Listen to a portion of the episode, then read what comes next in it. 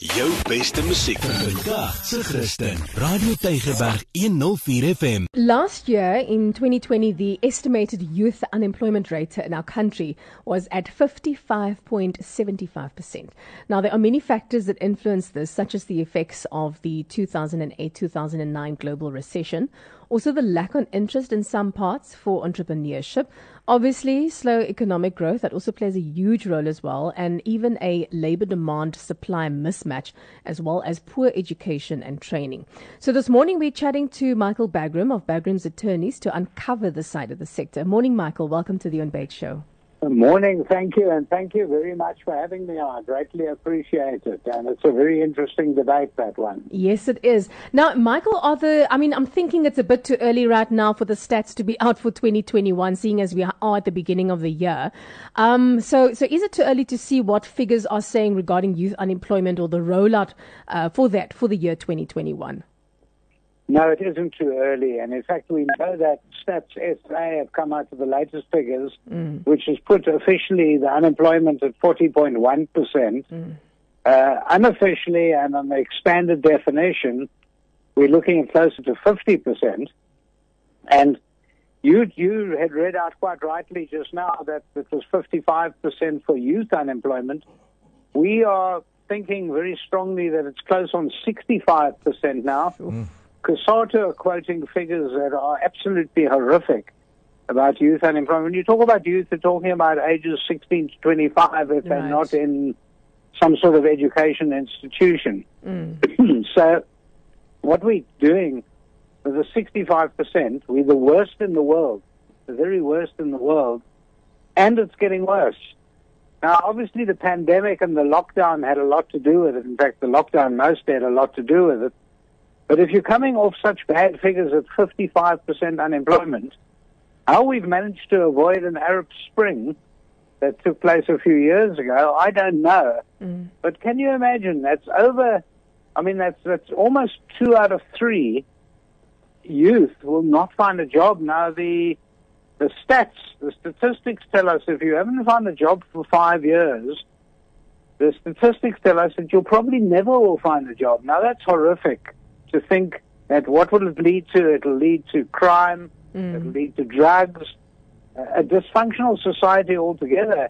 And especially here in South Africa, where we weighted in the youth category. In other words, the majority of our citizens are under the age of 30. So we've got a youthful country.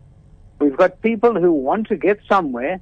We've got innovative youth and yet somehow we're failing them. First of all, the government's failed them horrifically, and I've got some answers as to why and how we can get it right. Mm. But second of all, our education system, as you quite rightly said earlier, is also not not helping. Mm. We need to be able to get people to leave school with subjects uh, such as the STEM subjects, and maths and science and all the science subjects, that they're actually useful to go into the job market hereafter. So there, there's lots of issues. The other thing you must also understand is that when you're going into, and you're entering into the job market, you don't have experience, you don't have skills, invariably you don't have education. So who takes you in? Small business takes you in, mm-hmm. not big business. Big yeah, business small, are looking, yeah. and especially in times of trouble such as we're in now, a big business wants a fancy CV. They want 10 years experience. Mm. They want a full background, etc., etc. They want full education. Small business will give you a chance. Why is small business not doing it? Uh, economists the world over tell us that small businesses are the businesses that are the growth for the future. They're going to grow the job market. And in South Africa, that's absolutely true. But because our government's rules and regulations, the regulatory authority under the Department of Employment and Labor is so harsh and so difficult that they're not giving small businesses a chance. And if you compare us to the rest of Southern Africa, because often people say, don't compare us to the rest of the world, we're a poorer country or whatever. But let's compare us to our neighbors. Yeah. They are deregulating small business. In Nigeria, there's much greater employment. Um, we take examples such as Mauritius, who are unbelievable. The youth I've got chances everywhere. And why? Because over here, the government and our uh, Minister of Employment and Labour, Thulas Nxesi, bless him, um, is not thinking this one through. I understand that Thulas is a communist, and I understand that he's a trade unionist, and he wants to protect staff that are already in employment, but he's not talking on behalf of the unemployed, which is now a massive figure.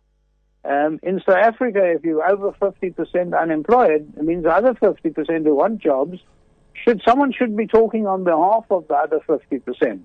Yeah. And that's why I'm trying to have this discussion because we need to stand up for them. Who's standing up for the unemployed? We must stop the extension of the bargaining councils, for instance. Mm. We must deregulate for small businesses.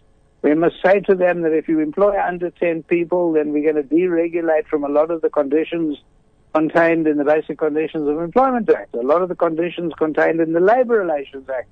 Give them a break. Give them a hand up. Mm. Tell small business we don't want to destroy them. We don't want them just to survive. We want them to thrive. Oh, yes, Mm-hmm. indeed. Yeah. Yeah. So, so Michael, is there is there somewhere that people can go to get more information and maybe make their voices heard?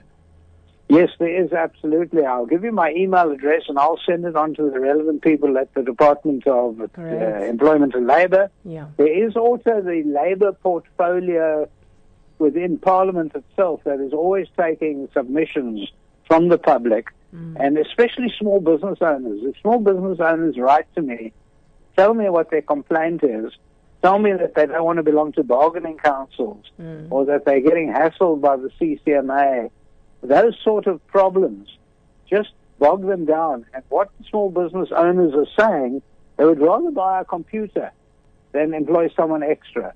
They would rather buy machinery than employ someone extra. They would rather outsource their work. I mean, I spoke to a small business actually two days ago um, over the weekend, and they tell me that they're now outsourcing their work uh, to Pakistan to get things made there. Because getting it made here, the bargaining councils are driving them mad, the national minimum wage is driving them mad, the regulations, if someone doesn't come to work and you fire them, you've got real problems at the CCMA. They said, listen, they've had enough. They're going to rather just import the stuff, even with import duty. It's cheaper than employing staff. And we can't have that in South Africa. No, we We can't. We want to employ people. We can't afford to make it difficult for small business. We can't afford to make it easier to get goods from abroad. Even services. I'm speaking to colleagues of mine who are saying their clients are getting services done. In other words, they're getting their bookkeeping done in, in Asia. Hmm. I mean, how ridiculous is that? It is. When we've got thousands of bookkeepers here in South Africa. Michael, And they're we, saying it's cheaper. we're, we're, we're out of time. Just your email address? It's Michael, M I C H A E L, at Bagraims, B A G R A I M S, M for Mary, S for sugar, dot C O dot Z A. Super. Thank you so much, Michael, and Thank thank, you, you, for your time. Very insightful Thank you. uh, Keep up interview. your good work, guys. Thank you. Thank you. Take care. Take care. Bye-bye. Bye. Jou beste musiek vandag se Christen. Radio Tygerberg 104 FM.